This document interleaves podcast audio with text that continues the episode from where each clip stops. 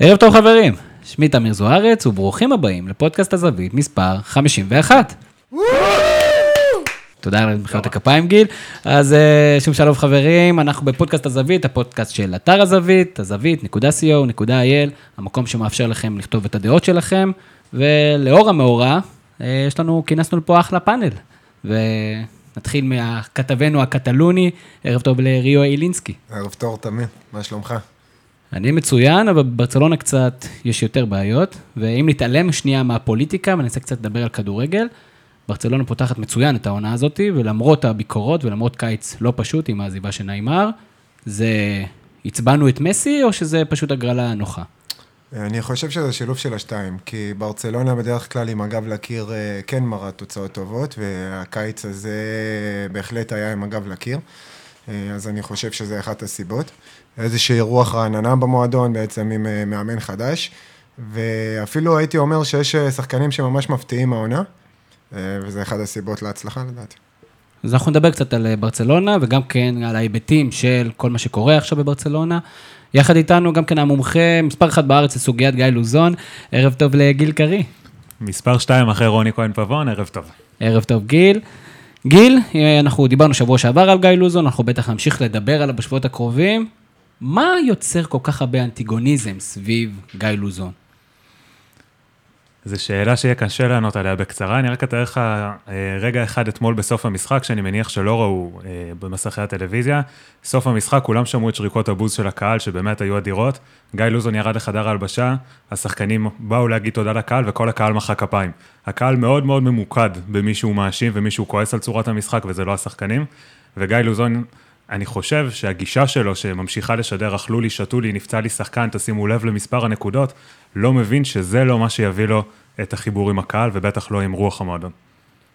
מעניין, אנחנו ננסה לדבר על זה, כי סך הכל מכבי חיפה, מבחינת נקודות לפחות, פותחת העונה הזאת בצורה טובה יותר מעונות קודמות, ואנחנו מאוד מאוד שמחים לארח הערב את אה, אושיית הרשת, קפטן נבחרת ישראל לכדורגל לשעבר, ושחקנית פעילה באסה תל אביב, מקווה שהצלחתי לעשות את הטייטל אה, הזה כמו שצריך. ערב טוב לאושרת עיני. ערב טוב לכם. אושרת, לפני שאנחנו נתמקד בך ובכדורגל נשים ובכלל בספורט נשי, ירדן ג'רבי, מודיעה היום על פרישה בגיל 28, ואם אנחנו מנסים ככה לדרג אותה בין הספורטאיות הגדולות אי פעם, היא נמצאת שם בטופ? היא גבוה, גבוה בטופ, לדעתי, מקום ראשון-שני. אה, מעבר לאישיות החמה שלה, שכולנו אהבנו לראות, והכנות שלה בכל הרעיונות, ההתנהלות התקשורתית שלה בכלל, ההישגים שהיא הביאה, אה, מעבר למדליה במשחקים האולימפיים, ספורטאית שנמצאת בטופ העולמי והאירופאי, זאת אומרת, איפה שאנחנו נמצאים, מביאה כל כך הרבה מדליות, כל כך הרבה כבוד, תמיד זוכרת מאיפה היא מגיעה, ותמיד מגיעה לכל האירועים בעיר שלה בנתניה, וכל אירוע ספורט שיש במדינת ישראל. אה, לי אישית מאוד עצוב היום, ירדן היא גם חברה קרובה שאני מאחלת לה כל טוב בהמשך, אופה, אבל יש נאות, ואקום. יפה. יש, יש ואקום, יש ואקום כרגע. אה, פרשו לנו אה, שלוש ספורטאיות על בשנה האחרונה, אה, וכרגע זה חסר, חסר, אין לנו כוכבות. נכון, ואנחנו, יהיה מעניין באמת לשמוע אם המדינה נותנת בכלל אופציות לאותן uh, ספורטאיות, אבל זה בהמשך. אז uh, יש לנו הרבה על הפרק, א', נרצה להכיר קצת את אושרת מעבר לדף הפייסבוק המצוין שלה ולפרופיל שלה. אנחנו נרצה לשמוע קצת על הקריירה ואיך אנחנו, מה מכאן, מה קורה מכאן, בכלל לספורטאיות, דרך אגב, גם ירדן, מעניין מה עושים אחרי גיל 28. אנחנו נרצה לדבר על uh, המשבר בקטלוניה, ריו קצת יעזור לנו להבין שם את יחסי הכוחות, והאם באמת ברצלונה הולכת לעזוב את הליגה, מה הם השפעות, הוא כבר עושה לי לא עם הראש. תשאיר לנו קצת, אתה יודע, לאחרי זה משהו. אה, חוץ מזה, יש לנו מחזור בליגת העל שהתחיל אתמול ויימשך היום, ואנחנו ננסה להבין את הסיטואציות המדהימות של הליגה הזאת, אם מצליחה להכין לנו, יש הרבה דברים מעניינים, אבל אנחנו חוזרים אה, אלייך, אושרת, ובאיזה גיל החלטת שאת רוצה להיות שחקנית כדורגל? אה, בגיל צעיר מאוד. להיות שחקנית ככה באופן מקצועני, מה שנקרא, או כמה שאפשר להיות יותר מקצוענית, זה היה בגיל חמש הגעתי לבלומפילד, ראיתי שחקני כדורגל, הבנתי שאני רוצה להיות שחקנית כדורגל. אה, אם נקפוץ טיפה קדימה לגיל שש, ככה אני עושה חיים שכאלה. וואו, ממש קדימה, עד גיל כן, שש. כן, ממש. היה איזשהו תרגיל בכיתה שנקרא החלום שלי, ואז הבנתי שהחלום שלי להיות שחקנית נבחרת ישראל בכדורגל. אה, אני קצת מאולד סקול, כאילו, גיל שש שלי היה ממש ממש מזמן. לא היו נבחרות ישראל בכדורגל לנשים, לא, נבחר, לא נשים, לא נערות. אה, אז ככה שהיה לי חלום על משהו שעדיין לא היה קיים. יפה. אז כבר מאז הבנתי שאני רוצה להיות שחקנית כדורגל. ואז מה? אה, ואז שיחקתי בשכונה, כמו כולנו, כאילו, עם, עם בנים בעיקר. אה, עד גיל אה, 15, שם אמרו לי שיש איזשהו חוג כדורגל אה, לבנות ברעננה, אני במקור מהרצליה. הגעתי לחוג, אחרי שלושה שבועות כבר זימנו אותי לנבחרת הנערות, שהייתה אז. אה, ובגיל 18 עליתי לנבחרת ישראל בוגרות, התחלתי לשחק בהפועל תל אביב. זאת אומרת, בוא נגיד שאני בקבוצה מסודרת שהיא רק של בנות, אה, זה מגיל 16, ואני לא סתם מדגישה שהיא רק של בנות, כי בגיל 9 היה לי, הייתה לי חוויה במכבי הרצליה בתור שחקן. מה, מה הכוונה? בבקשה. זייפו כרטיס שחקן, הייתי אושר עיני במקום אושרת עיני.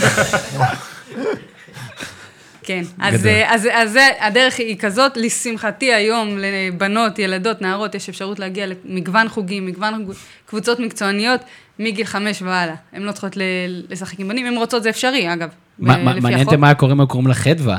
כן, אה? היו- מה היו קוראים. לה? כאילו, חדו. לא, לא יודעת, אולי פשוט היו ממציאים שם אחר נראה לי. אבל זה היה קל, כי היה לי גם שיער קצר והייתי נראית כמו בן. אה, לא צריך לפתוח הכל. לא, לא צריך לפתוח הכל. לגבי היום שאחרי מה ששאלת, אז uh, אני יודעת שהיום לוועד האולימפי וגם למשרד הספורט, ואם אני אדבר על הנושא שלי, לארגון השחקנים והשחקניות בארץ, יש תוכניות ליום שאחרי. Uh, זאת אומרת שאפשר לפתח קריירה כפולה, אפשר ללמוד איזשהו תואר, איזשהו מקצוע, תוך כדי העיסוק בספורט. עם כמובן כל מיני הקלות, כל מיני uh, לוח זמנים שאולי יתאים יותר לספורטאי, בטח לספורטאי אולימפי, כדי שנסיים את העיסוק שלנו בספורט, כי מה לעשות, יש גם מכונת זמן, ואם נתייחס רגע לירדן, גם מכונת אה, רצונות של האדם, אה, מתישהו מסיימים עם הספורט באופן פעיל. ואז אתה יכול או להישאר בתוך הספורט בתור מאמן, בתור מנהל, מאמנת, מנהלת, או לפנות לאפיקים אחרים. ומה שעושים כיום, כולם מבינים שצריך לדאוג לספורטאים כל עוד הם ספורטאים. זאת אומרת, אם אני עכשיו מסיימת את המקצוע שלי בגיל 33, לא משנה, בגיל בוגר, ורק אז מתחילה ללמוד מקצוע, לפעמים זה מאוחר מדי. זה בהחלט מאוחר מדי, אבל לפני שאת רצה כבר קדימה, בוא נדבר שנייה קצת על השיאים בקריירה שלך. תני לנו רגע שיא ואולי רגע שפל מצחיק. אתה יודע, יום כיפור עבר אה, לא מזמן, והייתי צריכה לחשוב ככה, שאלו אותי שאלה, מה הרגע הכי מאושר בחיים שלך? והיה לי נורא קשה לבחור, מן הסתם הרגע הזה בא מכדורגל, אני חושבת שבסופו של דבר דירגתי הכי גבוה את האליפות הראשונה שלי עם אה, הפועל תל אביב. אה, אני אוהדת את הקבוצה, וכמו שאמרתי לך, מגיל חמש הייתי בבלומפילד, אז אה, הגשמת החלום הראשונה, הראשונה שלי בעצם הייתה לשחק במדעי הפועל תל אביב, ובשנה השנייה בקבוצה זכינו בדאבל. אז uh, לקחנו את האליפות, ושבוע אחרי זה גם זכינו בגביע. Uh, אגב, הגמר גביע של נשים פעם היה משוחק לפני הגברים, פורמץ' מה נכון. שנקרא, ושיחקנו, אז גמר הגביע היה אה, מכבי תל אביב, מכבי פתח תקווה, אז לקחנו גביע מול 40 אלף צופים צהובים. ואז מכבי תל אביב זכתה שלוש, ניצחה שלוש זה לא אפס, מעניין אותי כבר. אתה מבין, אני הלכתי, אה, זכיתי. מבחינת הנתונים, לא, רק כן. מבחינת... סטטיסטית, אתה אומר. כן, כן, בהחלט, זה אוקיי. משהו פשוט מאוד מאוד חשוב. אז, אה, זה באמת אה, פסגת האושר, גם האפרסקים של זה זרקו עלינו מהיציע. כן, כן. היה קיץ פורה. קלאסיקה ישראלית אה, קיץ פורה, תרתי. משמע. כן. אז אה, כן, אז אין לי ספק שרוב רגעי האושר שלי קשורים אה, ב, בהישגים הספורטיביים. אה, אני לא חושבת שאפשר להשוות את זה לשום תחום אחר, תחום חיים אחר. מי שעוסק בספורט, אפילו מי שעוסק בספורט חובבני, אתה הולך משחק עם חברים שלך בגולדטיים או בכל מקום אחר ואתה מפקיע שער ופרץ האושר שפורץ ממך, אני לא חושבת שגם אם סגרת כרגע עסקה של כמה מאות אלפי שקלים, יש לך את אותו דבר, את אותו אושר רגעי. את צודקת, זה פשוט ככה. רגעי שפל? היו רגעים שאמרת לעצמך, אוקיי, זה, זה לא בשבילי? יכול להיות שגם הם נמחקו לי מהזיכרון, מאיזושהי הדחקה. אה, היה איזה רגע אחד שהייתי פצועה והיה לי בעיות עם המועדון שלי, אה, כי פעם החוקים היו ממש חוקי עבדות, ומי שהייתה שייכת למועדון, אז היא שייכת עד המוות. היום, לשמחתי, זה השתנה. אה, אז היה לי בעיות עם המועדון, ואמרתי שדי, זה לא בשבילי, אין לי כוח להתעסק עם זה. בדיוק למדתי את התואר שלי בווינגייט, אמרתי, אני אתעסק בזה, אלך אולי יותר לכיוון של אימון, לא רוצה לשחק יותר. באתי להודיע למאמן הנבחרת שזה כנראה הכיוון שלי. הייתי פצועה, לא התאמנתי. אז ישבתי בצד וראיתי את הנבחרת מתאמנת, ואמרתי, אין מצב שאני מוותרת על זה. כאילו, אם עכשיו אני רוצה, אם. היה לי איזשהו קרע קטן ברצועה, אם אני, עכשיו אני רוצה לה, להתחיל להתאמן, אז, אז למה למנוע את זה מעצמי, כאילו, שאני בריאה?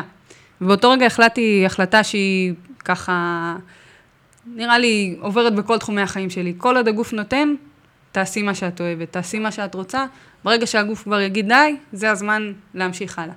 וכמה אה, זמן מהיום שלך את משקיעה כספורטאית אה, פעילה באימונים, הרי יש הרבה ביקורת על ההבדלים בין אה, הפרמייר ליג או בין ליגות אחרות לבין ישראל, מבחינת כמות ההשקעה והאימונים. איך זה בין הגברים לנשים? האם הנשים מתאמנות באותה צורה, באותה כמות, כמו, כמו הספורטאים הישראלים? אני לוקח את השאלות, ריו? אז פעם הבאה תפרוץ. תשמע, כל הרעות החולות ידועות, זאת אומרת, הרבה פחות משאבים והרבה פחות זמני אימון והרבה הכל ידוע, הכל אה, ידוע גם מבחינת כספים, הכל ידוע. אה, אם נתייחס לצד החיובי, בגלל שיש לנו פחות זמן מגרש ובגלל שיש לנו פחות אימונים מסודרים של הקבוצה, אנחנו משקיעות הרבה יותר מעצמנו, זאת אומרת מהזמן שלנו. אנחנו מקבלות פחות כסף, אנחנו עובדות בעוד עבודה, אז אה, אם העבוד, יום העבודה שלי מתחיל בשבע וחצי, שמונה בבוקר, אז אני בשש בחדר כושר עושה את האימון הנוסף שאני צריכה לעשות. יש מצב לפעמים שהיום שלי מתחיל בשש בבוקר והוא נגמר בעשר, כי אחרי העבודה אני הולכת לאימון, אצלנו בקבוצה באסה תל אביב מתאמנים אימונים כפולים, אה, אימון של אה, חיזוקים ואז אימון כדורגל. אז אה, אני יכולה להגיד שמבחינת הזמן שלי, הפרטי, אני משקיעה יותר מכדורגלן. אבל הוא מקבל הרבה יותר מהקבוצה שלו. ואם זה אימוני מתיחות, ואם זה אה, פילאטיס וכל מיני דברים שהם עושים אולי תוך כדי הקבוצה, אני מקווה שהם עושים את זה באימונים של הקבוצה, אה, אז אני עושה את זה באופן פרטי, וגם אם, סתם דוגמה, אנחנו נמצאים אצל אנשים אה, בתקופת ההכנה לעונה, טרום עונה מה שנקרא, אז uh, הגוף צובר הרבה מאוד מתח ויש צורך בעיסויים. אז אם הם מקבלים את זה מה, מהשה של הקבוצה ולוקחים אותם להם מספא, אז אני הולכת ועושה את זה באופן פרטי. אז ההבדל הוא בין מה שאני משקיעה מהזמן שלי לבין מה שהם מקבלים מהמועדונים. משמעותי. שזה מדהים לשמוע, אני חייב לשאול אותך, אבל מעבר לקושי הטכני והיומיומי, היה לך גם קשיים שהרגשת ברמה החברתית, שאנשים הסתכלו או לא העריכו מספיק את הדבר הזה שנקרא, לא קיבלו אותך בתור כדורגלנית מקצוענית? אני יכולה להגיד לך שהזיכרון שלי, שוב, יכול להיות שמדובר בהדחקה, אה, מדבר על גיל אה, חטיבה ותיכון. מהרגע שהחלטתי שזה גם המקצוע שלי, זאת אומרת שאני משקיעה את כל כולי, ולא אכפת לי מה אחרים חושבים עליי, לא אכפת לי שמישהו יקנא אותי חובבנית, או לא משנה איזה מילים ישתמשו, אני יודעת שאני מקצוענית, אני נותנת את כל כולי למקצוע, את כל כספי גם, את כל אה, זמני, אז, אז יכול להיות שדברים עברו לי ליד האוזן, אני באמת לא זוכרת מישהו שזלזל בזה יותר מדי, חוץ מהמוסדות. אה, אושרת, אה, רציתי לשאול אותך בתור אה, מישהי ששיחקה באירופה, הרי ההבדלים בין הכדורגל האירופאי לכדורגל הישראלי הם ברורים, בטח שבגברים. מעניין אותי עד כמה ההבדלים בנשים דווקא מורגשים, ומה, באיזה צורת ביטוי, זאת אומרת, מה, במה זה מתבטא ההבדלים, בוא נניח בשתיים, שלושה, ההבדלים המשמעותיים ביותר. אני חושבת שהנקודות המשמעותיות ביותר זה שוב, זה העניין של הגישה. כי יכול להיות שבעניין של תקציבים, שוב, זה אותו תקציב יחסי של מועדון גברים למועדון נשים באירופה ובישראל. Uh, הגישה זה לקבל את uh, מתקן האימונים המרכזי, את חדר הכושר המרכזי של המועדון. שוב, בישראל כמעט אין מועדונים חופפים לגברים ונשים, אבל אתה יכול לראות את זה גם ברמת הנבחרות, שעדיין לא מקבלים את המקום המרכזי. שעות אימון, אה, בגדי משחק, אוטובוס של משחק. אני יכולה להגיד לך, אמרת ששיחקתי בחו"ל, לא שיחקתי משחק רשמי, חזרתי לארץ לפני שהספקתי, בגלל שהיו בעיות ויזה, לא בגלל משהו אחר, לא שיחקתי משחק רשמי, אבל אה, אחרי שסיימתי את הפרק שלי באנדרלך, נבחנתי באסן, קבוצה מהבונדסליגה, אה, ויצאתי איתם למשחק ידידות בהולנד. ו... אנחנו נפגשים בבוקר, נפגשות בבוקר, באות לצאת למשחק, ואני מסתכלת על אוטובוס שמסיע אותנו להולנד, כי אתם יודעים, הכל שם זה עניין של מעבר גבול, כמה דקות אתה במדינה אחרת. זה אוטובוס שהוא סטנדרט לבונדסליגה, מה הכוונה? אה, אוטובוס עם 25 אה, מושבים, לא יותר מכך, כל מושב נפתח למיטה מן הסתם, אה, אורתופדי עם מערכת אוורור חמצנית, מה זאת אומרת? כמו שאתה נכנס לקזינו ואתה לא מרגיש שהזמן עובר והגוף שלך תמיד רענן, אותו דבר באוטובוס שחקניות, וזה סטנדרט. כן. הקזינו. אני מרגיש שהם רימו אותי כל חיי, הם לא סיפרו לי את הסיפור הזה. גם כל המועדונים באירופה, או כל הענף כדורגל אנשים באירופה התקדם מאוד. אני יכולה להגיד לך שבאנדרלכט אתה הייתי שחקנית מפורטוגל. אה, אחרי שנתיים שהיא שיחקה באנדרלכט, היא חזרה לפורטוגל, אבל כשאני פגשתי אותה שם, אמרתי לה, מה גורם לך לבוא לשחק פה דווקא? כי אתה יודע, אנחנו שומעים, פורטוגל, זה נשמע מתקדם יחסית. אז היא אומרת, תשמעי, אצלנו זה מאוד חובבני, יש אימון ומשחק, לא מקבלים כסף, משלמים כסף כדי לנסוע, כאילו על ההוצאות נסיעה, ופה אני מקבלת uh, משכורת. עכשיו היא חזרה לשחק ב... בפורטוגל, בספורטינג ליסבון, ואני בקשר איתה, ושאלתי אותה, כאילו, מה גרם לך לחזור? פורטוגל פשוט קיבלו החלטה שהם אה, ממקצעים את, ה, את הליגה. זה עדיין לא כל הקבוצות מקצועניות. אה, מן הסתם, הקבוצות המובילות, ספורטינג ליסבון, אחת הקבוצות המובילות, כן התמקצעה, היא מקבלת בוא, נ, בוא נקרא לזה full time job, היא לא צריכה לעסוק בכל מיני אה, עבודות מהצד. גם לא עבודות במועדון, שאגב זה אחד מהפתרונות שמועדוני נשים נותנים, אתה מקבל חצי משכורת על זה שאתה משחק וחצי משכורת שאתה עובד בחנות מזכרות, לדוגמה. אז היא עובדת full time במועדון, בכדורגל, כשחקנית, כל המעטפת מסביב. לצערי הרב, שבוע שעבר היא נפצעה בברך, אה, למחרת אני קוראת פוסט שלה בפייסבוק, שהיא עברה בלילה MRI, ולצערנו גם קראת הרצועות. נזכרתי בכמה שחקניות בארץ שנפצעו, אה, והייתי צריכות לחכות שלושה ארבעה חודשים ל-MRI, והיא עשתה את זה באות, באותו לילה. זאת אומרת, ההבדלים הם קטנים בגישה ובמעטפת. אה, לאו דווקא בכסף, אני יכולה להגיד לך שבישראל, שחקניות כדורגל מרוויחות יפה יחסית לעולם. קודם כל, אני חושב שזה רעיון מדהים, ואני אמליץ את זה בחום ליענקלה שחר, להתחיל להזרים חמצן ביציעי סמי עופר. יכול להיות שזה יהיה הפתרון לבעיית מכבי חיפה. בתור מישהי שכבר לא יום ולא יומיים נמצאת בסצנה, וכמו שאמרת, גם יצאת לאירופה וחזרה ועברת כמה מועדונים ונבחרת, את מרגישה איזשהו שינוי ביחס המוסדי כלפי התחום הזה לאורך השנים? כן, אה, אני יכולה להגיד לך שהשינוי הוא, אני אקרא לזה מעגלי. אה, אם פעם, כמו שסיפרתי לכם, היינו משחקים את גמר הגביע כפורמט של משחק של הגברים, זאת אומרת שהייתה חשיפה הרבה יותר גדולה.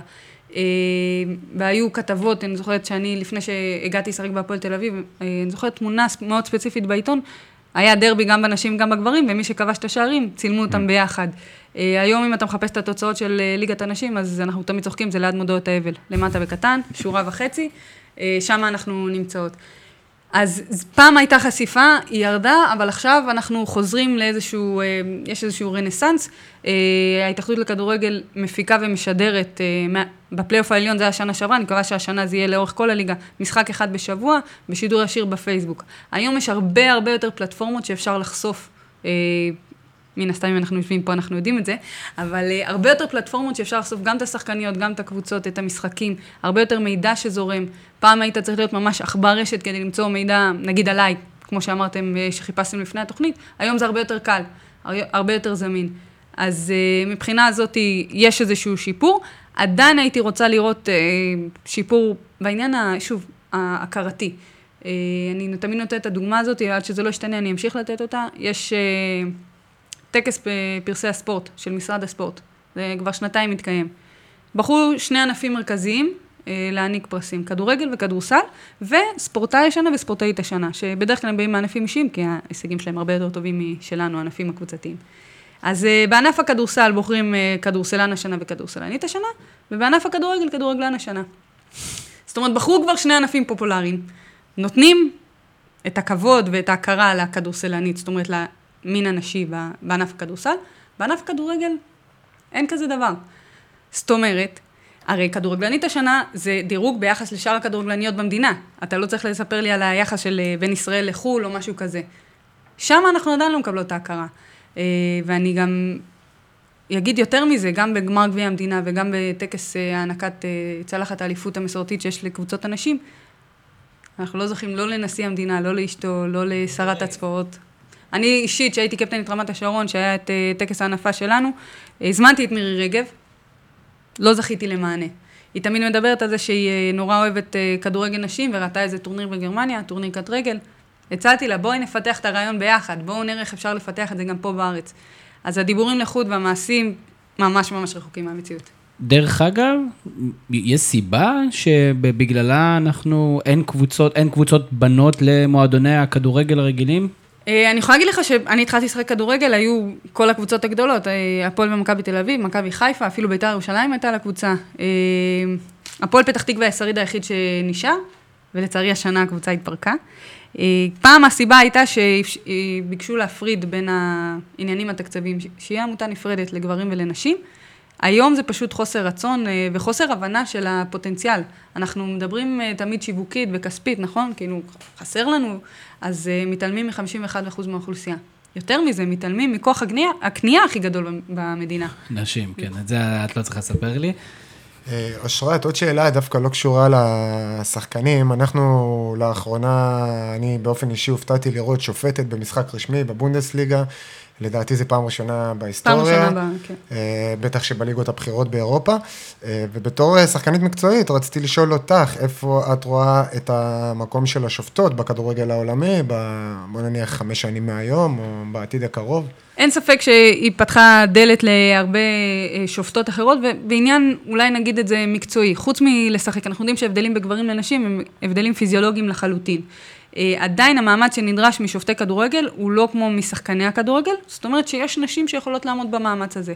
מה שקשור למהירות מחשבה, קבלת החלטות, אני לא חושבת שנשים נופלות מגברים, אז ככה שבעניין ה... להיות שופטות אני רואה באמת כל עוד הן יהיו ראויות, כן, הן לא צריכות להגיע לשם בגלל שהן נשים, אבל שיהיה איזושהי נהירה ואיזה שיותר ויותר אה, ליגות אה, בעולם ישפטו נשים, ליגות גברים כמובן, אבל אני שוב אומרת, צריך לקחת את זה לעוד כמה אה, ענפים, עוד כמה תחומים, אה, תחום של אימון, תחום של ניהול, בזה אין שום הבדל בין נשים לגברים, בטח לא הבדל טבעי. אה, מי שראויה תגיע, מי שראוי גם צריך להגיע. אני רוצה שנייה פולו-אפ על זה, בנוסף ל... כי כל התחום, באמת, המשחקים והאימונים והשיפוט, זה, זה על הכיפאק, אבל יש תחום אחד שבו אני מתחיל לראות ניצנים של שינוי, ובטח את תוכלי להעיד יותר טוב, וזה דווקא בתחום התקשורת.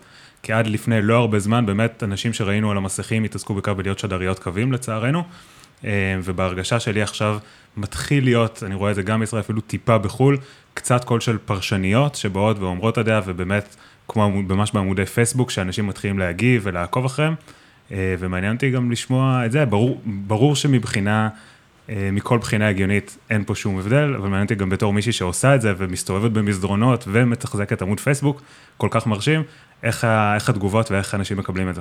אז דבר ראשון, בקשר אליה, אני יכולה להגיד שהתגובות מדהימות, ובאמת אולי זו הבמה להודות לכל מי שכותב, אני משתדלת גם לענות לכולם, אה, שהם שמחים לשמוע קול שונה. אה, אני מקווה שזה מדובר בגוון קול, כי אני די מיינסטרימית בדעות שלי, אבל אה, אם ניקח את זה, אה, כמו שאמרת, תופעה עולמית, הסיבה שרק עכשיו נהיו יותר ויותר פרשניות, שוב, אני לוקחת את זה לצד המקצועי, אה, פשוט כל ספורט הנשים הוא נורא צעיר. ורק עכשיו יש אה, דור מאוד גדול של אה, שחקניות כדורגל, כדורסל, שפורשות, פרשו, והפכו אה, את עניין הפרשנות למקצוע. ההבנה במשחק, לא משנה איזה משחק זה, היא אותה הבנה, ויכול להיות אפילו אולי זווית ראייה שונה, שזה הרבה פעמים מה שאנשים מחפשים. מה שכן קרה בשנים האחרונות, שנתנו הרבה יותר הזדמנויות לנשים, ואנחנו רואים את זה בהמון תפקידים בתקשורת, גם לפני המצלמה, גם מאחוריה, אנחנו רואים הרבה מאוד מגישות בכל ערוצי התקשורת. בכלל, אגב, לאו דווקא בספורט. אה, כאילו, נפתחו איזה שהן דלתות שאני מאוד מאוד שמחה, ואני מקווה שיהיו הרבה יותר אה, שחקניות וספורטאיות. אם כבר שאלת על אה, מה ג'רבי תעשה ביום שאחרי, אז אולי תקשורת זה גם אה, בהחלט. איזושהי אה, אופציה עבורה. כי אני חושבת שמי שיושב בבית, מן הסתם כל האוכלוסייה שיושבת בבית ורואה טלוויזיה, היא צמאה לגיוון. אה, וזה יכול לבוא מכיוון הקול הנשי. הן גם מצטלמות יותר טוב מאיתנו. משתדלות. הם הם יודעות איך עושים את זה, אנחנו פחות. אה, מרתק, אבל אה, לא הבאנו אותך רק לדבר על עצמך. לא רק אה, נציגת המין הנשי, אלא גם כמובן לנושאים נוספים, ואחד מהנושאים הכי גדולים שהיו במהלך השבוע האחרון זה נושא ברצלונה. ריו, מעט פוליטיקה, אבל ממש מעט פוליטיקה לגבי מי נגד מי, מה קורה, אנחנו יודעים שאנחנו שומעים רק צד אחד, אנחנו רואים רק את התמונות, אנחנו ננסה להתחבר יותר לצד, הש- איך זה משפיע על הספורט, על הספורט. ואז הנה, הב- הבמה שלך, מה, מה קורה שם בברצלונה? אה, תודה. אה, גם לטובת כל מי שרוצה ללכת להיות תייר שם, אתה יודע, אנחנו אוהבים להסתובב כמובן, שם. קודם כל, disclaimer, אין בעיה עם תיירים, זאת אומרת, העיר מתפקדת, הכל טוב, תהיו רגועים. נשמע כמו הספסר אה, הראשי של ברצלונה. כן, מי- מי שצריך חבילות מיוחדות, נשמע שידבר כאילו יש איתי פה עוד אחר כך disclaimer. שצריך להגיד. אה, ועכשיו קצת רצינות לגבי המצב בקטלוניה, לאו דווקא בברצלונה, כמובן היא הבירה של, של החבל. אה, ביקשת קצת פוליטיקה, אז רק בשביל לסבר את האוזן, 1978, המשטר אה, בספרד עובר לחוקה, בעצם אה, ממדינה, אפשר להגיד פשיסטית, לחוקתית. אה, וכתוצאה מזה בעצם שלושה חבלי ארץ בספרד מקבלים אוטונומיה עצמאית. המשמעות היא ממשלה עצמאית, משטרה עצמאית וכן הלאה. אה, קטלוניה, גליסיה והחבל הבסקים. אה, אני רץ ככה קדימה, במהלך השנים, 2008 הגיע המשבר הכלכלי הגדול, העולמי. אה, ספרד, כמו הרבה מדינות אחרות, שקע עמוק עמוק בבוץ. אה, ומשם בעצם מתחילה, הבעיה מתחילה עוד לפני, אבל שם היא מקבלת ביטוי ככה משמעותי. כשהחבר'ה מקטלוניה בעצם דורשים עצמאות, רוצים עצמאות, משתי סיבות עיקריות. הסיבה הראשונה והעיקרית היא סיבה כלכלית, כמו שכולנו יודעים, ברצלונה כעיר וקטלוניה כחבל, זה החבל העשיר בספרד, שמייצר כחמישית מהתל"ג של המדינה, כרבע מההשקעות הזרות נכנסות אה, לקטלוניה וכן הלאה וכן הלאה. הנה, רק נעימר זה... כן, רק... אה, שם יש שאלות מיסוי שלא ניכנס אליהן. אוקיי. אה, ובעצם לאנשים ולתושבים נמאס, אתה יודע, להיות הקטר ובעצם לשאת את כל העול הכלכלי הספרדי על עצמם. אה, אז זו הסיבה העיקרית, אה, כמה שלא ינסו לפייף את זה בצורות אחרות. הסיבה השנייה והנוספת בעצם היא הלאומנות הקטלונית. אה, למי שלא מכיר, אז קטלוניה זה חבל עם תרבות עצמאית, עם שפה עצמאית, שפה קטלנית, זה אומנם מאוד מאוד דומה לספרדית, אבל היא ככה משורבטת עם קצת צרפתית ועם מילים לא ברורות. מעבר לזה יש מנהגים עצמאיים, יש גיבורי תרבות עצמאיים וכן הלאה וכן הלאה. אז פעם אחת הפן הכלכלי, פעם אחת הפן התרבותי, אתה מקבל מדינה בעצם בדלנית בתוך מדינה, מה שבעצם מעורר את הזעם של, של הצד השני, הרי אתה רוצה לשמוע מה קורה בצד השני. כן, אז, אז מה קורה בצד השני? בוא תספר לי. זהו, בוא, בוא ניתן להם גם את הבמה. בעצם המשל אה, המרכזי בספרד, א', מפחד אה, מעצם התוצאה כתוצר לוואי, מעצם שקטלוניה תקבל עצמאות, אז גם חבל הבסקים ירצה עצמאות, וגם הגלסיאנים ירצו עצמאות, וככה בשביל לסבר את האוזן, לצורך העניין, הבסקים שניסו להילחם על עצמאות עשו את זה באמצעים מאוד מאוד אלימים. המחתרת הבסקית עם היסטוריה עשירה של טרור. זה בעצם הפחד הראשון, והפחד היותר גדול מזה, אה, זה בעצם העובדה שקטלוניה תתנתק מספרד, בעצם תחמיר ותעמיק עוד יותר את המשבר הכלכלי שספרד נמצאת בו, אה, כתוצאה בעצם מזה ש... עוד פעם, קטלוניה מחזיקה כחמישית מהתל"ג של המדינה. עכשיו, לפי הערכות, אה, שוב, אני לא מצפה ממך לעשות דוקטורט כרגע בספרד, אבל מה הסיכוי שמצב כזה קורה, ובמידה וכן, האם האלה קלאסיקו יאבד לנצח? אה, תראה,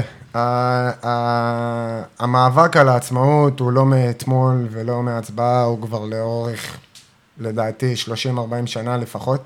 אה, קשה לי להאמין שמהלך חד צדדי, בכל מקרה, כמו מה שהניסיון אה, הנוכחי, הוא לא יעבור. אה, ולראיה כזה, לדעתי, אם עוד קצת תרשה לי עוד שורה על פוליטיקה. שורה וחצי. שורה וחצי. אה, שני הצדדים, בעצם גם הממשל הספרדי המרכזי וגם קטלוניה, כחבל, לא העריכו נכון את הנחישות ואת הכוח של כל אחד מהצדדים לטפל בבעיה, כל אחד לפי ראות עיניו. אה, מצד אחד הקטלונים היו מאוד מאוד נחושים, מצד שני הספרדים מימשו את כל האיומים שלהם, שהם הכניסו כוחות שיטור וכן הלאה וכן הלאה. אה, ולכן, לדעתי, חד צדדית זה לא יעבוד, אה, קטלוניה לא תקבל את העצמאות, וכתוצאה מזה גם ברצלונה, בואו נשים את הדברים על השולחן, לא תעזוב את הליגה כל כך מהר. בשביל שזה כן יקרה, צריך תהליך הרבה יותר אה, עמוק ולא חד צדדי, בהידברות, במשא ומתן אה, בין שני הצדדים. אה, וגם אז, אגב, לא בטוח שברצלונה תעזוב את הליגה. זאת אומרת, צריכים לקרות פה... למרות שכרגע, להבנתי, החוקה של הליגה אומרת שכדי לשחק בספרד, אתה חייב להיות בספרד. נכון, בליגה הספרדית אתה חייב להיות בספרדי. החוקה הספרדית, אה, התקנון נקרא לזה, לצורך העניין, בשביל לבלבל את הצופים, התקנון של ההתאחדות הספרדית בעצם מורה על כך שקבוצה חייבת להיות על אדמת ספרד או אנדורה. אה, אגב, הם שואלים אותי למה אנדורה, אין לי תשובה, אה, אבל זה... זאת אומרת, זה גם כלול בתקנון. מצד שני, תקנונים נתונים לשינוי. אתה יודע, זאת אומרת, אם וכאשר מהלך כזה יעבור, אז התקנון יכול לעבור איזשהו שינוי. אה, כי קשה לי לראות את ברצלונה עוזבת את הליגה, בין אם מתקבל למדינה עצמאית אה, כקטלוניה או לא. שמעתי על ההצהרות מהליגה הצרפתית, בסגנון של מונקו, שמעתי על ליגה קטלנית עצמאית, אני לא בדיוק יודע מי ברצלונה לא יודע, הם זוכים כל שנה באליפות קטלוניה, החבר'ה שם, אז אולי סוף סוף... כן, אה, אגב, רק סבר את האוזן, יש 66 קבוצות מקצועיות בקטלוניה, זאת אומרת, בכל הליגות. אה, אבל עדיין, זאת אומרת, אם ברצלונה שולטת בלליגה בעשור האחרון, אז תחשוב מה, מה זה... ברור שזה לא ספורטיבי, אבל עוד דבר שלא ספורטיבי זה מה שקרה אתמול, אושרת. אה, ברצלונה נאלצה לשחק משחק הבית שלה ללא קהל בעקבות ההתפרעויות, והאמת, זה זה היה מביך למותג אני לא חושבת שצריך. לתלות את זה בהתפרעויות, אלא בהחלטת ההנהלה. החל- אה, זאת אומרת, המשטרה אישרה גם לפני המשחק, אמרו שלא יהיה בעיה לפתוח את השערים, לארח את כל מי שבא לראות את המשחקים. אה, לי חרוט בראש תמונה של אנשים מאוסטרליה שהביאו את הילד שלהם. עזבו שהילד אוהד נעימר והוא קצת פספס אותו עם המעבר. אבל הם הזמינו כרטיסים ביולי כדי לבוא לראות את, אה, את אה, ברצלונה נשלח משחקים. לו כרטיס לפריז. והם הם פספסו בגלל ההחלטה של ההנהלה. לא רק הם, כל האוהדים שבאים לראות, אני באמת חושבת שאין תכלית בלי קהל, וזה בסדר שיש זכויות שידור וכל העולם ראה את המשחק, חוץ ממי שבא לש... לראות את המשחק במגרש. אבל זה עשה עוול נורא למותג הזה, שנקרא על הליגה, הליגה המלהיבה בעולם, עם כוכבים הכי גדולים, ואז אתה שומע את מסי צועק לאינסטה, "אה, פה פבור, פבור, לא יודע גם הגולים, חלק מהם נראו כמו משחק אימון, כן, לא זה- רק האווירה. אה, לי אישית היה מאוד קשה לראות את זה, אני באמת חושבת שכמעט ואין לזה ערך. קשה מאוד גם לנתח מקצועית את המשחקים האלה, כי הגישה המנטלית שהשחקנים באים והמוכנות היא שונה לגמרי. פשוט אה, קשה מאוד לתאר את ההבדלים האלה, ולדעתי זו החלטה שגויה. קטונתי, כן? אבל זו החלטה שגויה. אם, אם הנהלת ברצלונה פחדו מזה שיורידו להם 6 נקודות, הפסד טכני ועוד 3 נקודות, זה עשה להם לדעתי נזק שווה. אני לא חושב שכמעט אין לזה ערך, אני חושב שאין לזה ערך. אני חושב שמשחק כדורגל מורכב מקבוצה א', קבוצה ב' וקהל, וכל מי שחושב שמשחק כדורגל יכול להיות בלי קהל, מאבד את המטרה. כדורגל הוא בשביל הקהל והוא של הקהל, ובמיוחד בברצלונה, שכולנו זוכרים את ג'רארד פיקה עם הדגל הקטלני, ריו, אולי אתה זוכר באיזה משחק זה היה, אני לא זוכר, הולך ותוקע אותו במרכז המגרש. אה, בכלל, אני חושב שכל התהליך שקורה עכשיו, וזה משהו שאני אשאיר לחוקרי האקדמיה לדבר עליו בעוד כמה שנים, אבל אני חושב שאי אפשר להפריד את כל מה שקורה עכשיו ברחובות ברצלונה מהקבוצה ברצלונה. דרך אגב, גם כדורגל, גם כדורסל, כדורגל כנראה קצת יותר.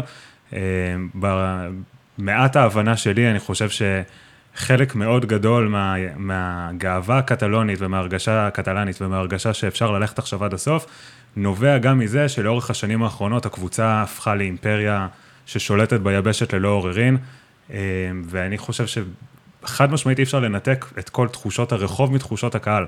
זה, זה בא ביחד, אני בטוח שיש השפעה למותג הזה שהוא קבוצת ברצלונה על התחושה של האוהד שאומר אני קטלני, ולעשות משחק כזה, בעצם לנסות לנטרל את הגורם המפריע על ידי זה שאתה פשוט לא מכניס את הקהל, זה פשוט התעלמות מהדבר הזה שהוא כדורגל, ומנסות לעשות אותו למשהו אחר לגמרי. מצד שני, אולי זה באמת היה רגיש מדי, אתה יודע, אתה מנסה לעשות איזה ניהול סיכונים מסוים, והכמות הזמן שהייתה להגיב לסיפור הזה, לסצנריו הזה, ואולי לעשות איזה בדיקות ביטחוניות אקסטרה, מה היה עדיף שיהיה פצועים? אה, לא, ברור שנפגעים בנפש זה קו אדום, אבל אני חושב שאם ההחלטה היא בין, אם הסכנה היא באמת נפגעים בנפש, אז תדחה את המשחק. כי לעשות את זה, לעשות משחק כדורגל בליגה הספרדית בלי קהל, דרך אגב, אותו דבר גם למשחקי כדורגל בליגה הישראלית שמענישים את הקהל על זה ששני אוהדים זרקו מצית. יש הרבה משחקים בלי קהל בישראל, גם כשנותנים לך את האופציה לבוא. זה כבר משהו אחר, אבל משחק כדורגל בלי קהל, שמוגדר ככה מראש, זה לא משחק כדורגל בעיניי. תראה, אני, אני מאוד מתחבר למה שגיל אומר, ובעצם אה, מועדון הכדורגל של ברצלונה הפך אה, לאחד המעוזות או סמל בכלל של הלאום הקטלני. אתם יודעים, הרבה, הרי היום יש הרבה דיון, ובכלל בככה כמה שנים האחרונות, אה, של פוליטיקה לא צריך להיות מעורב עם ספורט וכן הלאה. לדעתי זה בלתי ניתן להפרדה. פוליטיקה תמיד הייתה מעורבת בספורט, במיוחד ענף כמו כדורגל זה דת. אה, תסתכלו מה קורה במזרח אירופה ובדרום אמריקה, אנשים, זאת אומרת, מאבדים את זה לגמרי, אה, בגלל כדורגל ופוליטיקה. אה, ואם הזכרנו את, העניין של, של הקאמפ נו ריק אתמול, אני באמת לא זכור לי מחזה כל כך, כל כך עצוב. אתה ממש שומע את השחקנים, זאת אומרת, את התקשורת ביניהם, אולי זה היה מגניב, אתה יודע, ביצר המציצנות שלנו כבני אדם לשמוע את זה, אבל זה היה פשוט אה, מחזה עצוב, היה מספיק לראות את פיקה, אם כבר הזכרת את הנעיצת דגל שלו, אז הוא התראיין אתמול אה, בוכה. פיקה, הוא היה ממש שבור. לגמרי, מטר תשעים וארבע של פלדה בוכה, ובדמעות אה, מספר על, זה, על כך שזה היה אחד הימים הכי קשים שלו, והוא אמר שאם עצם היותו קטלני ותומך בעצמאות קטלוניה תגרור בעיות ב, לממשל הספרדי, אז הוא לא רוצה, לא, זאת אומרת, לקחת חלק יותר בנבחרת הספרדית, ואני רק מזכיר לכם שזה שחקן שהביא אליפות עולם ושני אליפויות אירופה למדינת ספרד. היו איתו בעיות גם לפני משאל העם, אם אתם זוכרים, שהוא ניסה, אמרו שהוא ניסה להסתיר את אה, דגל המדינה במדים וכל מיני דברים כאלה. כן. אגב, הוא כמה שעות לפני המשחק, הלך להצביע והעלה תמונה שלו מהק- מהקלפי. זאת אומרת, אה, הדעות שלו מאוד מאוד ברורות, והוא מאוד חד. להצבעה שלא הייתה חוקית כביכול. כביכול, זה- והוא גם זה אמר, ה-say פה. הוא גם אמר, כמו שאמרת, אם זה לא רק יפריע לממשל, אם זה יפריע להתאחדות, אם זה יפריע לנבחרת, הוא מוכן אה, פשוט אה, לסגת מהנבחרת כמה שזה חשוב לו, כי הוא אמר גם שזה חשוב לו לשחק בעבר. חשוב לו לשחק בנבחרת, עכשיו שהעניינים כל כך רגישים, יכול להיות שהוא לא יבוא לישראל. זה, זה ברצלונה, זה גדול וזה, וזה סיפור ענק, אבל אני, קשה לי לא לעשות את החיבור הזה לישראל, ואני באמת מתהלך פה על הג- הגבול שאני לא רוצה לגעת בו, אבל קבוצה שלוקחת חלק כל כך, אתה יודע, ניצי מול אה, המיינסטרים או מול שאר הליגה, אה, איפה זה שם אותנו? אני מנסה להכניס אותנו לסיטואציה הזאת בלי להבין את הקונפליקט עד הסוף, וברור שהוא הרבה יותר מורכב מזה. אבל שאלה, האם באמת ברצלונה, זה עצם זה שהיא לוקחת על עצמה, על הגב שלה, את כל, כל המאבק הזה, האם היא לא מסתכנת בכך שבאמת, בשלב מסוים, יוציאו אותה מהליגה? לא, אני לא חושב שהיא לוקחת חלק לא, אבל פיקה כל- לדוגמה, כל הוא זה שבאמת פעיל. מאוד מאוד שנייה, מחבר, שנייה. אולי יותר מאחרים.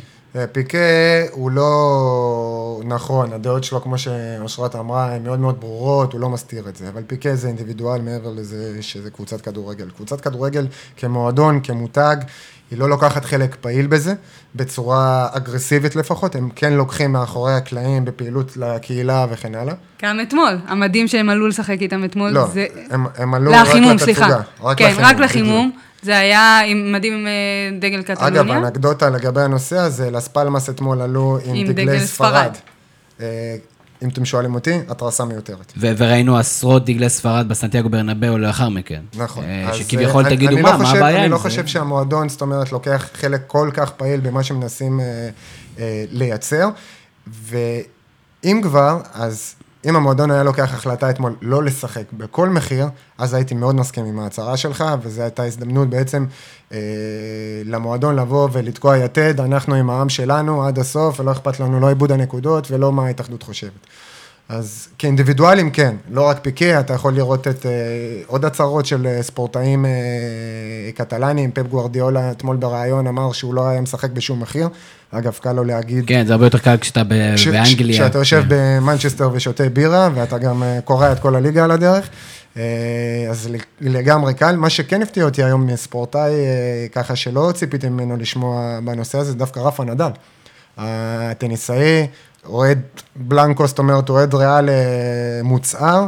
אה, הוא לא דיבר ישירות על קטלוניה, אבל הוא כן הראה איזושהי סולידריות, שהלב שלו נשבר עם איך שהוא רואה את האומה הספרדית מתנהגת, אה, וכן הלאה וכן הלאה. יכול להיות שזה אחלה פוליטיקה, אבל כן נחמד לשמוע מספורטאי שאין לו צד משמעותי בקונפליקט הזה, כן מביע איזושהי סולידריות, ולי באופן אישי זה חסר מספורטאים נוספים. מעולה. אתה יודע מה יהיה הסוף הטוב? אם קטלוניה באמת תיפרד ולא תהיה חלק מהגוש האירופי, אז אלון מזרחי יוכל לשחק או באירופה או בספרד. נקודה מעניינת. דרך אגב, אושרת, אה, חיבור של פוליטיקה וספורט, אה, לפחות מבחינת אה, הבעת הדעה של ספורטאים, בדרך כלל לא עושה טוב לספורטאים. אנחנו רואים את זה היום יותר ויותר, גם כאן בארצות הברית מול טראמפ, עם שחקני ה-NFL ושחקני ה-NBA. כמה את חושבת שיש לזה יותר מקום ממה שעד עכשיו מקבל ביטוי בישראל? אני חושבת שספורטאים כן צריכים להתערב, בטח ובטח בנושאים חברתיים. צריך להפריד את הפוליטיקה מהנושאים החברתיים. אה, ספורטאים הם, וספורטאיות הם אה, מודלים לחיקוי. ילדים, ולא רק ילדים, בוא נודה בזה, כולנו פה מעל גיל אה, 30, אה, מעריצים שחקנים, בודקים כולנו באינסטגרם. ילדים, כולנו בודקים ילדים. באינסטגרם מה הם עושים, יש להם דעה לגבי משהו, אנחנו, יש לנו רגשות כלפי זה, שליליים או חיוביים, זה לא משנה.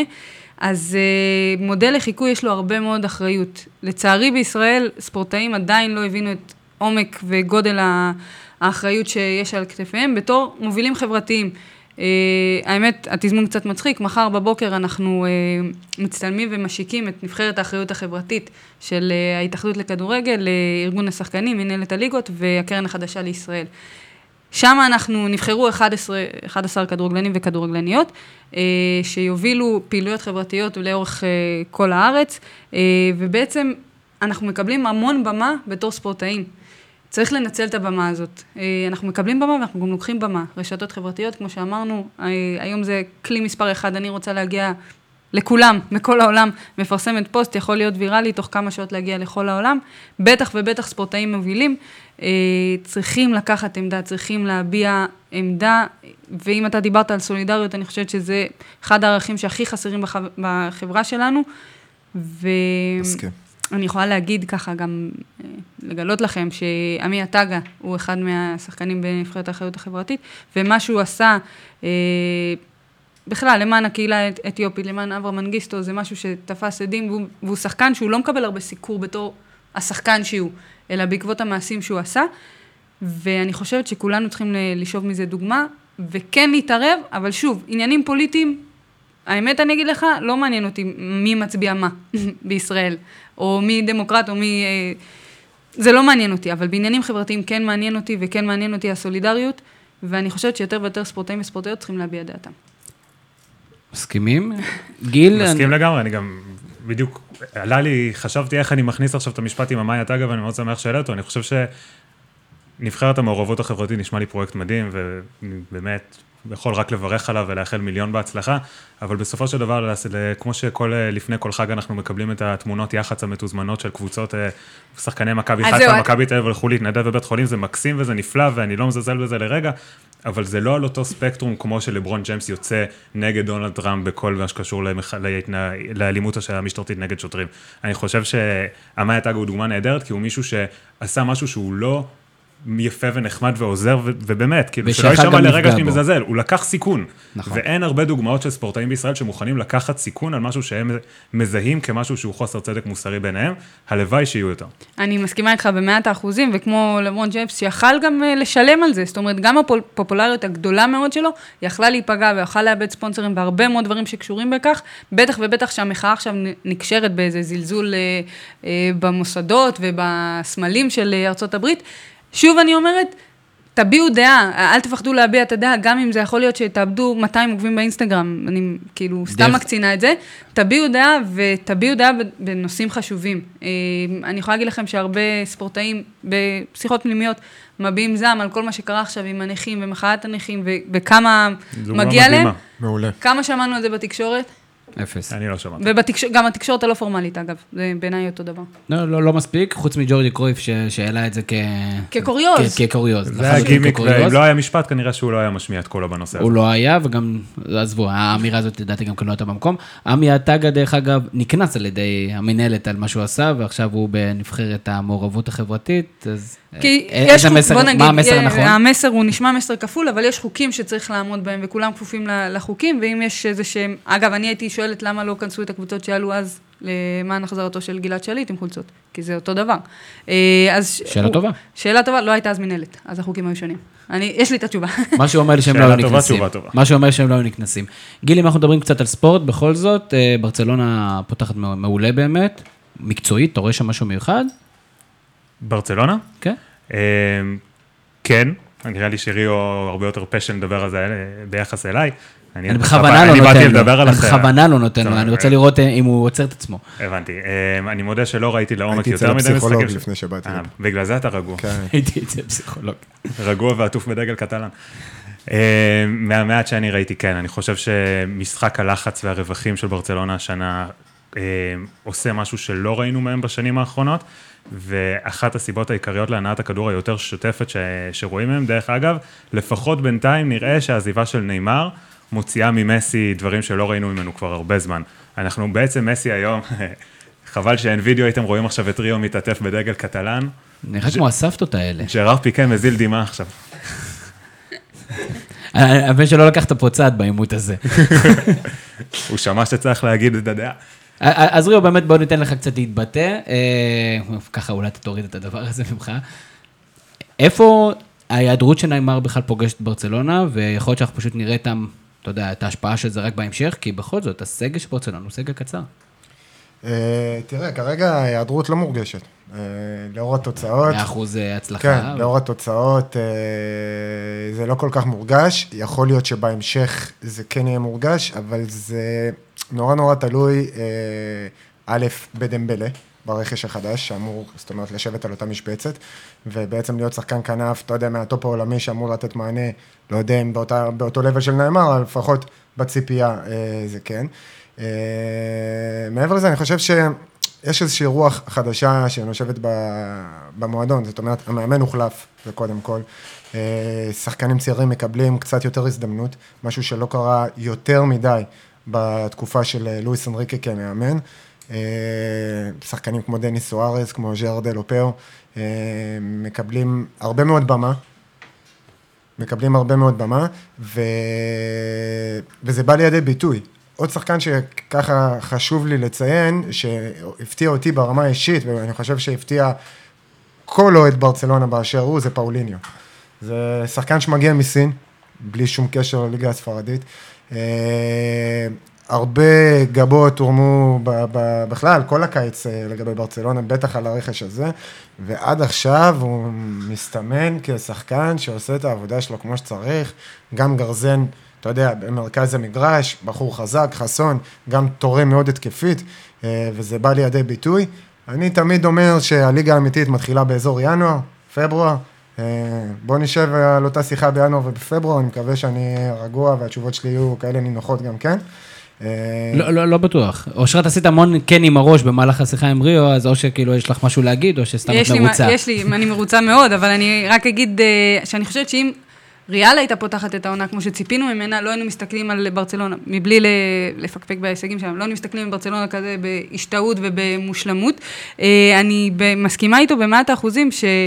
אנחנו יודעים שבלליגה ובתחילת העונה ותלוי בהגרלות, אין הרבה, בוא נגיד, משוכות קשות, ומה שקשור לצ'מפיונס, בטח במתכונת החדשה, זה רק מרבע הגמר הם יכולים לפגוש איזה אה, קבוצה שתקשה להם, לכן אה, גם הפציעה של דמבלה היא עדיין בגדר הבסדר, כי הוא יחזור לשלבים המכריעים.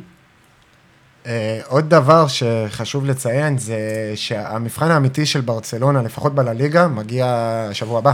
זאת אומרת... אתלטיקו מדריד. נכון, באצטדיון החדש, אה, עם, עם גב של אוהדים מטורפים לגל, לגמרי, אה, ולדעתי זה יהיה מבחן אמיתי ראשון אה, לברצלונה העונה. יהיה מעניין לראות גם איך הם מתפקדים ברמה המקצועית, וגם איך המנטליות שלהם, זאת אומרת, באה לידי ביטוי בהמשך לכל מה שקורה בחבל קטלוני. וגם אז הם מקבלים את אתלטיקו בצורה הכי טובה שהם יכולים לקבל אותה. נכון, אבל זה עדיין, נכון, אבל אני גם חושב שבהמשך למה שאמרנו קודם, אני חושב שהיום בצורת משחק של ברצלונה, מסי הפך להיות בעצם מוביל הכדור, הדריבליסט הכמעט יחיד. אה, איניאסטה בקושי עושה את זה, הוא היחיד שעוד קצת עוזר, אין נעימר, דמבלה כרגע לא רלוונטי. ברור שבינתיים מסי כולם יודעים כמה עונה כבר, כולם רואים את הפתיחת העונה באמת המדהימה שלו, אני חושב שהוא מתפוצץ השנה, והוא רק מוכיח עוד יותר כמה הוא גדול. אה, אני חושב שהמבחן באמת של ברצלונה כולה יהיה, ולא רק של מסי, מה יקרה כשגם הדברים האלה יתחילו להאט. וכן, אנחנו מן הסתם נמשיך לעקוב, אני רק אתקן, המשחק הוא לא יהיה בשבוע הבא, הוא יהיה עוד שבועיים, בעקבות פגרת הנבחרות, כי לספרד יש משחק מאוד מאוד קשה נגד נבחרת ישראל נטולת שיר צדק, ואם אנחנו מדברים כבר על ישראל, אז בואו נדבר קצת על ליגת העל, ונתחיל מהראש. מהפועל חיפה, גיל. תספר לי מה הסיפור, בוא תספר לי מה הסיפור שם. הלוואי שידעתי, אני קודם כל אני אתחיל ב disclaimer שאני אקבל אחריו נאצות בפייסבוק מעכשיו ועד עולם. אני לא, לא רע לי, אני, אני רואה את הפועל חיפה ו, ואני יודע שכולם עכשיו עם הממים שכמה זה באופנה לפרגן להם, אבל באמת אני מפרגן להם. רגע, אני לא בטוח שהקלטנו את זה כמו שצריך. בגרות קורית פה תוך כדי, זה מפציעה. זה מאוד מוזר, אבל אני לא בטוח שהקלטנו את זה כמו שצריך. אתה יכול לחזור שנייה רק על המשפט האחרון שלך? זה דברים שהם אומרים פעם בחיים, וזה ליקוי, ליקוי, ליקוי חמה נדיר. אני באמת מפרגן, כי אני חושב שאצל הפועל חיפה, מעבר לזה, מעבר לכדורגל ומעבר להישגים ובאמת לדברים ש, שקל להעריך, אני חושב שיש משהו מאוד יפה, וזה החזרה להסתמכות על שחקנים, שחקנים שהיו שם, עדן בן בסט, אמנם הוא גדל במכבי חיפה, אבל זו קדנציה שלישית שלו כבר בהפועל חיפה, מאוד מזוהה עם המועדון, מאוד מקורב לקהל, חנן ממן, שחקן שמאוד מקורב לקהל, מקסים פלקוצ'נקו, שחקן שגדל שם עכשיו, יש שם איזשהו חיבור מחדש לקהל, קבוצה שכולנו זוכרים את הפיצול עם הקהל, עם הפועל רובי שפירא, ש... שמטפסת עכשיו במעלה הליגות. יש שם איזשהו, איזשהו חיבור חזרה ליסודות שעובד יפה, אני רואה גם מאוהדים, אה, חבריי החיפאים בפייסבוק, שאני רואה שזה עדיין לא אולטימטיבי, עדיין יש הרבה אוהדים שעדיין מרגישים את הריחוק מהקבוצה הזאת.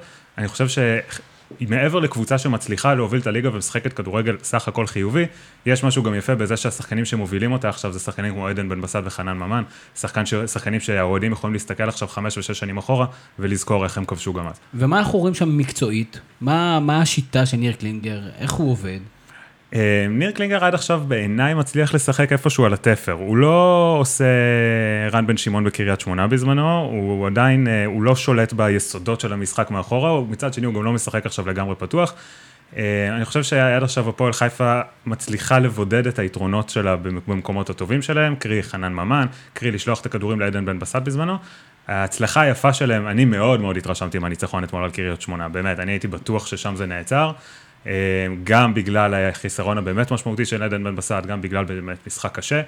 אה, אני חושב שניר קלינגר עושה עבודה יפה, אני חושב שהקבוצה באמת באה מאומנת, בליגה שלנו זה, זה יתרון מאוד משמעותי, רואים אותם מצליחים להזיז את הכדור ולהזיז את כובד המשחק מצד לצד בהתאם ליריבה, שזה כבר משהו מאוד מאוד יפה.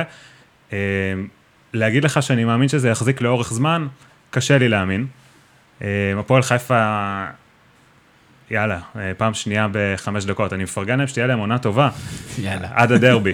אבל uh, אני לא רואה אותם רצים לאורך זמן בקצב הזה. אני חושב שבסופו של דבר, אלא אם כן ניר קלינגר יביא שרוולים מהכובע, קבוצות ליגת העל ילמדו איך לשחק נגד הפועל חיפה. עד עכשיו קבוצות ליגת העל עדיין לא הבינו שצריך לשחק באופן מסוים נגד הפועל חיפה.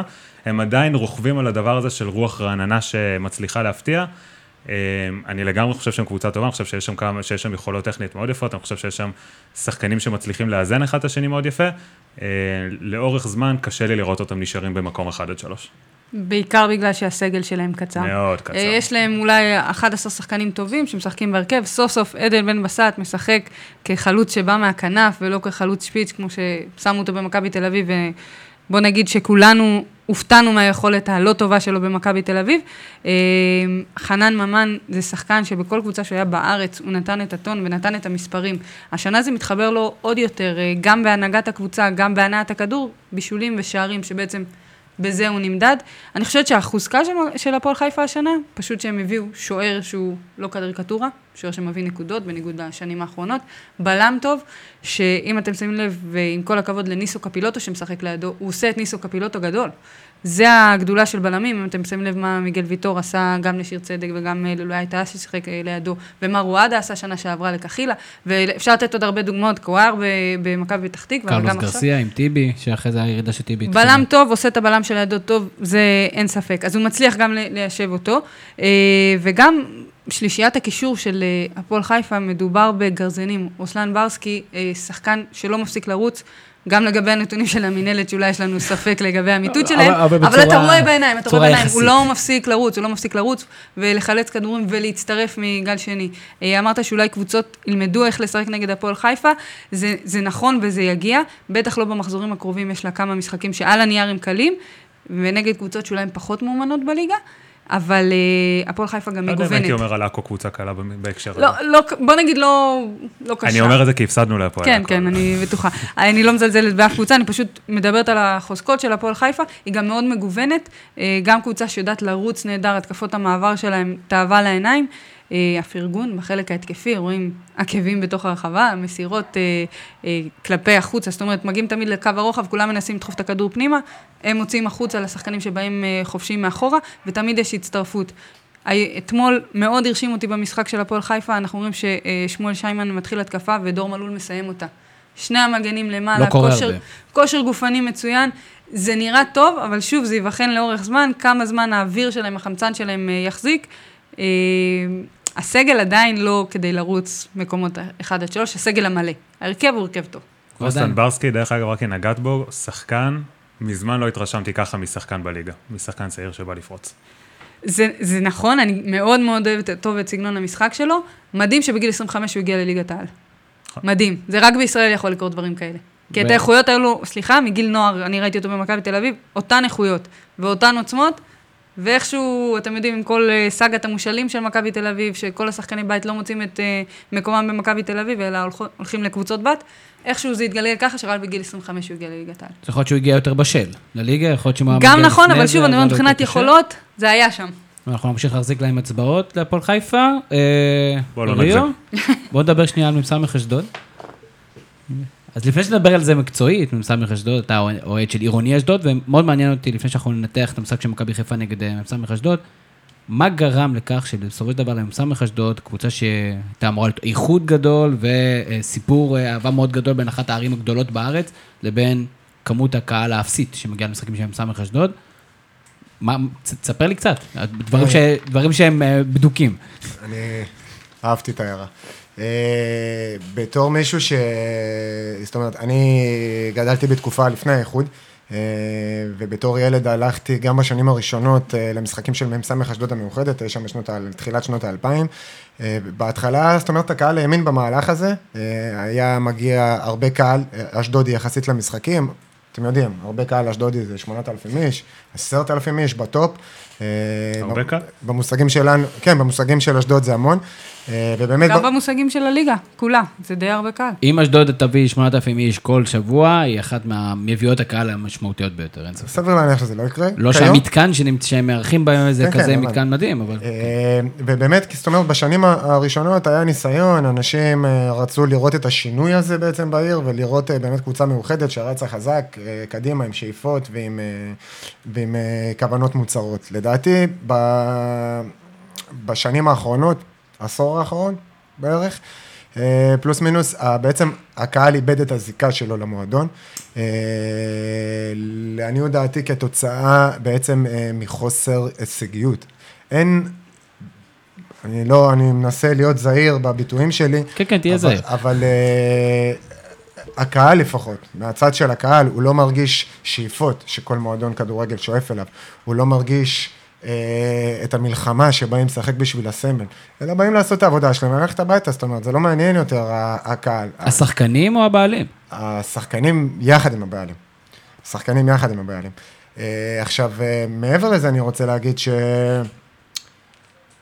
תראה, אין לי בעיה עם המודל של אה, להשביח שחקנים ולמכור אותם הלאה. בסדר? זה מודל אה, ש... בוא, לא ניתמם, זה דבר שקורה במ"ס אשדוד אה, על בסיס קבוע בשנתיים, שלוש האחרונות, משביחים שחקן, מוכרים אותו הלאה, אחלה, אני לא מתנגד לעובדה. אה, אנחנו יכולים לראות קבוצות מאוד מאוד גדולות בעולם שאימצו את אותו מודל וזה עובד להם יופי, סאוטהמפטון לדוגמה, חממה מטורפת של שחקנים, שבעצם משביחה שחקנים לקבוצות אחרות. ההבדל הוא ששם יש איזשהו רצון להישגיות, שם הם נלחמים על המקום שלהם, הם מקבלים הזדמנות, מנצלים אותה, הולכים לאירופה, מנסים לעשות את קמפיין טוב באירופה.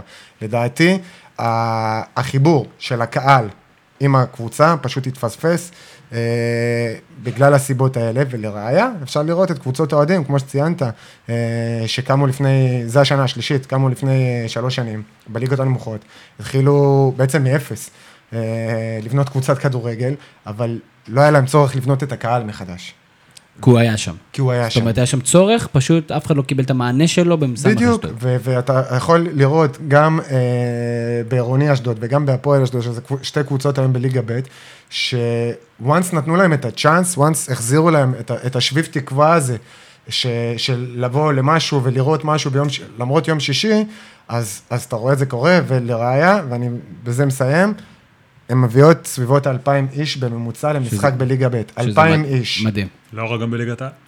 כן, יש כמה קבוצות ליגת העל שהיו חותמות על זה. גיל, נעבור למכבי? חיפה, אותה סמך אשדוד. אה, קודם כל, אתה ראית אתמול סמך אשדוד. סמך אשדוד הם מבחינתך יורדת ודאית ל- לליגה השנייה? שום דבר לא ודאי, אבל אם היה משהו ודאי, אז היה זה. כן, הפועל מ"ס אשדוד. תשמע, גם הרחיקו לשחקן בשלב יחסית מוקדם, כאילו, בואו לא נשפוט, ראיתי באמת, זה, ראיתי משחק וחצי שלהם לאורך העונה, ממה שראיתי, מאוד מאוד מאוד חלשים. מאוד מאוד חלשים, היחיד שראיתי באמת שמאוד מאוד הרשים אותי זה קינדה, דרך אגב, שחקן שהייתי יכול לראות אותו גם מגיע למכבי חיפה, בקלות, אני חושב שהוא משחרר לחץ מאוד יפה ויכולת טכנית מאוד יפה. חוץ ממנו, באמת, מעט מאוד הגנה רכה. אה, לא ראיתי שום דבר בהתקפה, לא ראיתי תוכנית אימון. לא, לא מכבי חיפה, דיברנו על סמך אשדוד. אה, זה היה כואב, זה היה כואב אך מדויק. דרך אגב, אני אקח את הכאב הזה ואני אני אבכה אחר כך, אבל אני חושב ששאלת אותי בהתחלה בין הקהל לגיא לוזון, זה המשך ישיר למה שריו אמר, אני חושב שהבעיה הכי גדולה של, מכ... של קהל מכבי חיפה עם גיא לוזון היום, היא, היא הדבר הזה, היא הרגשה ש, ש, שהמאמן לא מצליח, לא מבין את החיבור, את הדבר הזה, את האתוס הזה של המועדון שאחריו האוהדים הולכים. ברור שכולם רוצים לנצח, ברור שכולם רוצים לנצח 5-0, זה אפילו לא זה, זה, זה, ה- זה ההתגוננות הזאת אחרי משחקים, להסביר, נפצע לי, נפצע לי, לקחו לי, לקחו לי, בגלל זה שיחקתי ככה, לא צריך לבכות על זה, תגידו תודה שאנחנו מנצחים 1-0, ההתנהלות הזאת של גיא לוזון מרחיקה אותו מהאתוס הזה של מכבי חיפה, שהקהל של מכבי חיפה רוצה להרגיש חלק ממנו. אה, ברור שזה עוד רחוק שנות אור מהמצב שקורה באשדוד, אבל זה, זה גרעין הקרע שקיים. אושרת, את, את מבינה את את הטענות האלה? בסדר, זה לא משחקים יפה. אבל הם זה לא רק עניין. שלא משחקים יפה.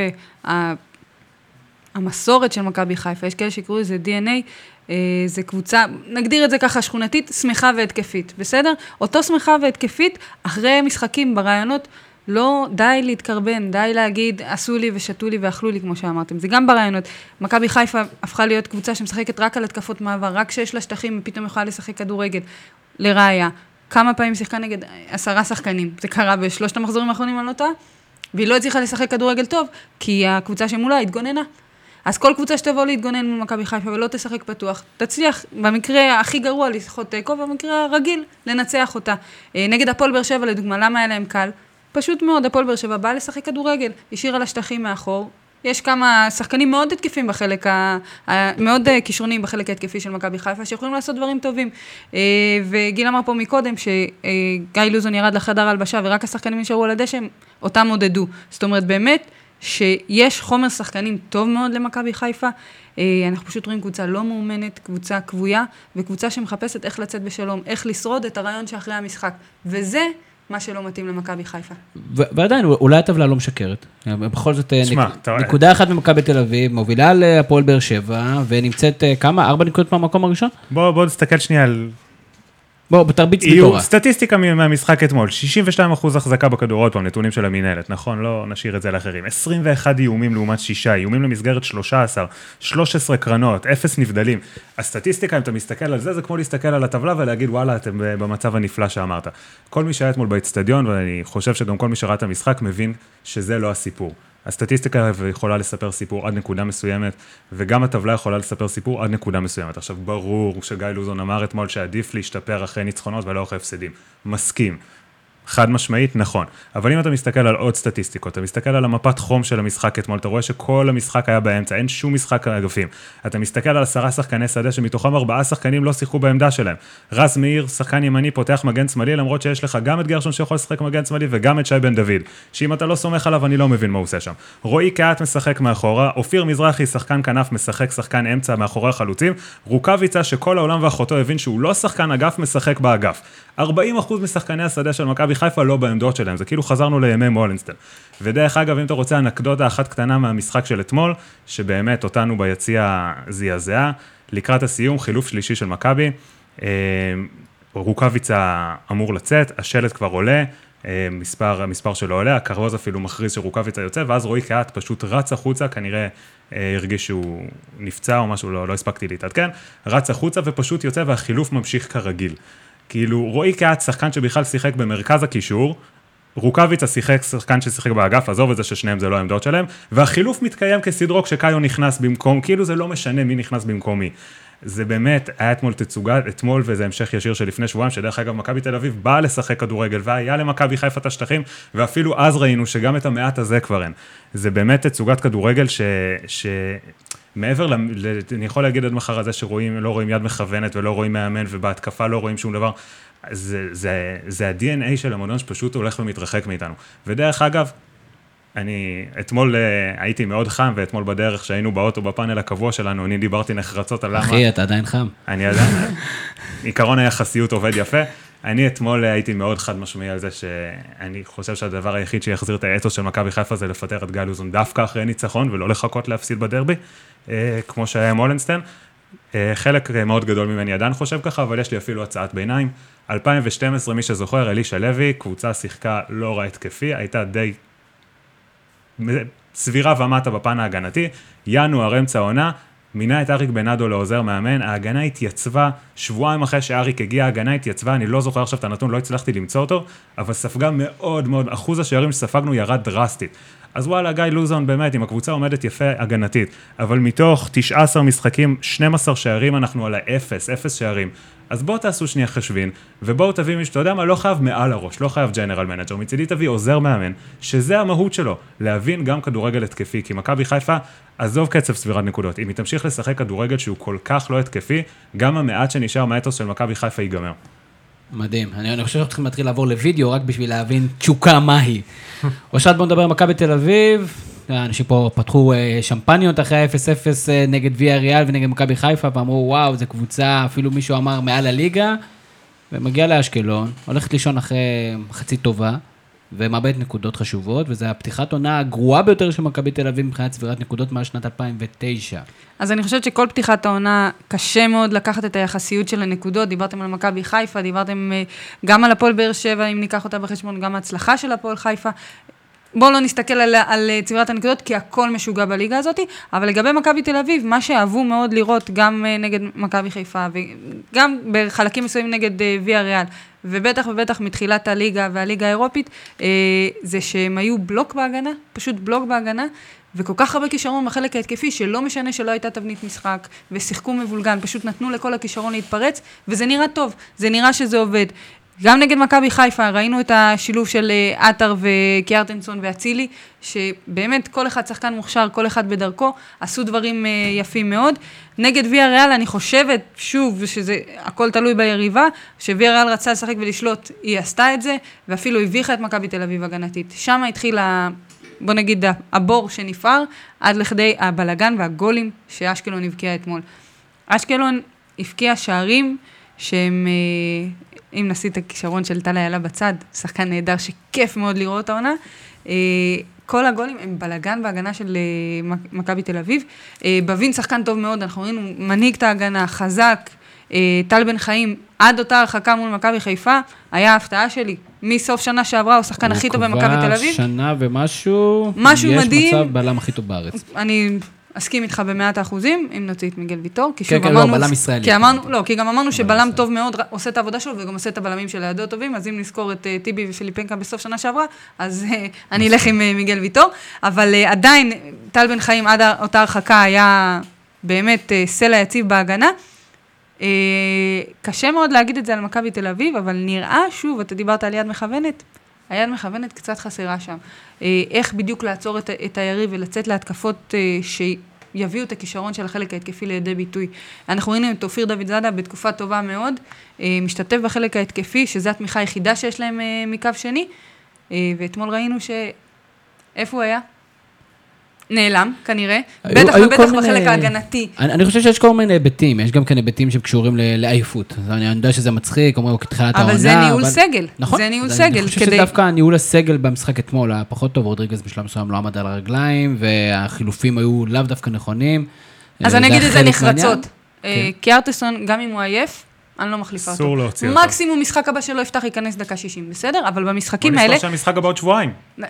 כן, אבל כאילו הם לוקחים בחשבון שהם צריכים לשחרר אותו רענן לנבחרת, רוצים לשמור על יחסים טובים, הכל בסדר. אני אומרת, אני לא, מש... לא מחליפה אותו, לא נגד מכבי חיפה, לא נגד ויה ריאל, ולא נגד אה, אני אשקלון. לא מחליף אותו, הוא הקפטן שלי בוובי. ג- גם שלי, אני לא מוציא תראה אותו. איזה את יופי. מבינה? ואני שמתי גם את בלקמן אתמול, אז ככה הרווחתי עליו קצת.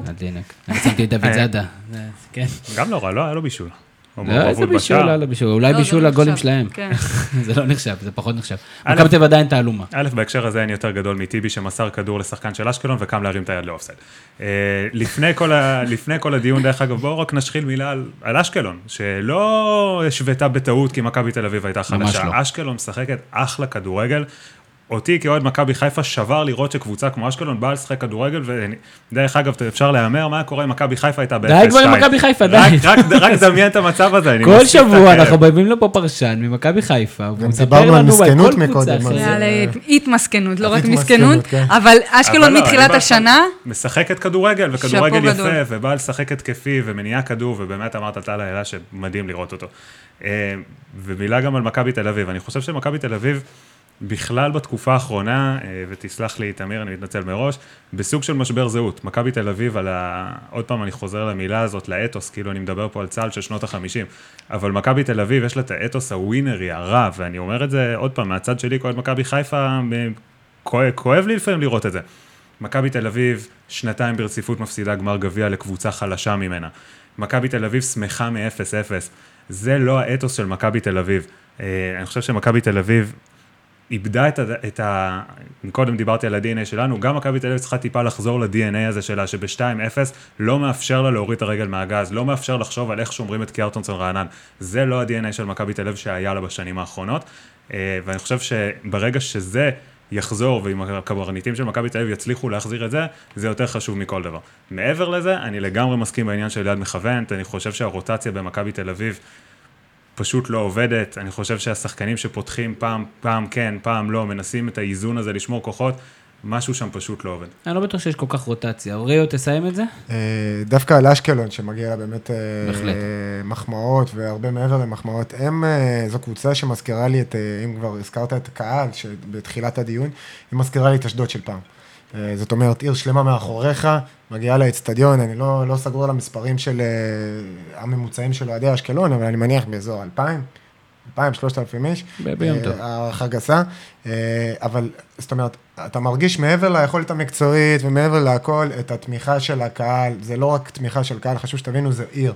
זה עיר שלמה, שגם מי שלא מגיע לאצט- לאצטדיון, אז שומעים את זה ורואים את זה בעיר, וזה מתבטא בתקשורת המקומית-מקומית של העיר עצמה, ואין ספק שהחיבור הזה בין הקהל למועדון נותן בוסט אדיר גם למקצועית, למקצועיות עצמה.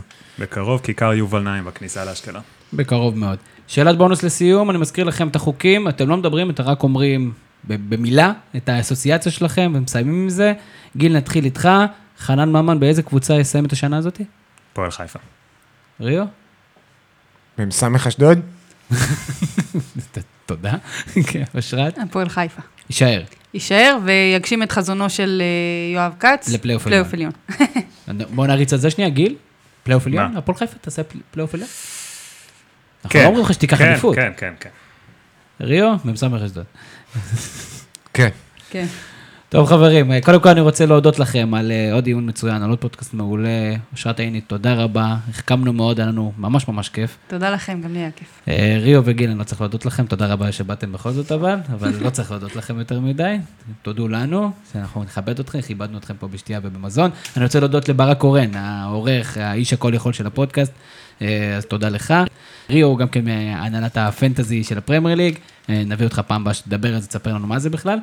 ואנחנו מזכירים לכם, פודקאסט הזווית יכולים לשמוע גם ב SoundCloud, גם כן באפליקציית אנדרואיד, גם באפליקציית אפל, אה, וגם כמובן אצלנו באתר. אה, אני רוצה לאחל לכולם, אה, שיהיה לכם המשך שבוע טוב וחג שמח לכולם. אני הייתי תמיר זוארץ, שיהיה לכם המשך ערב נהדר.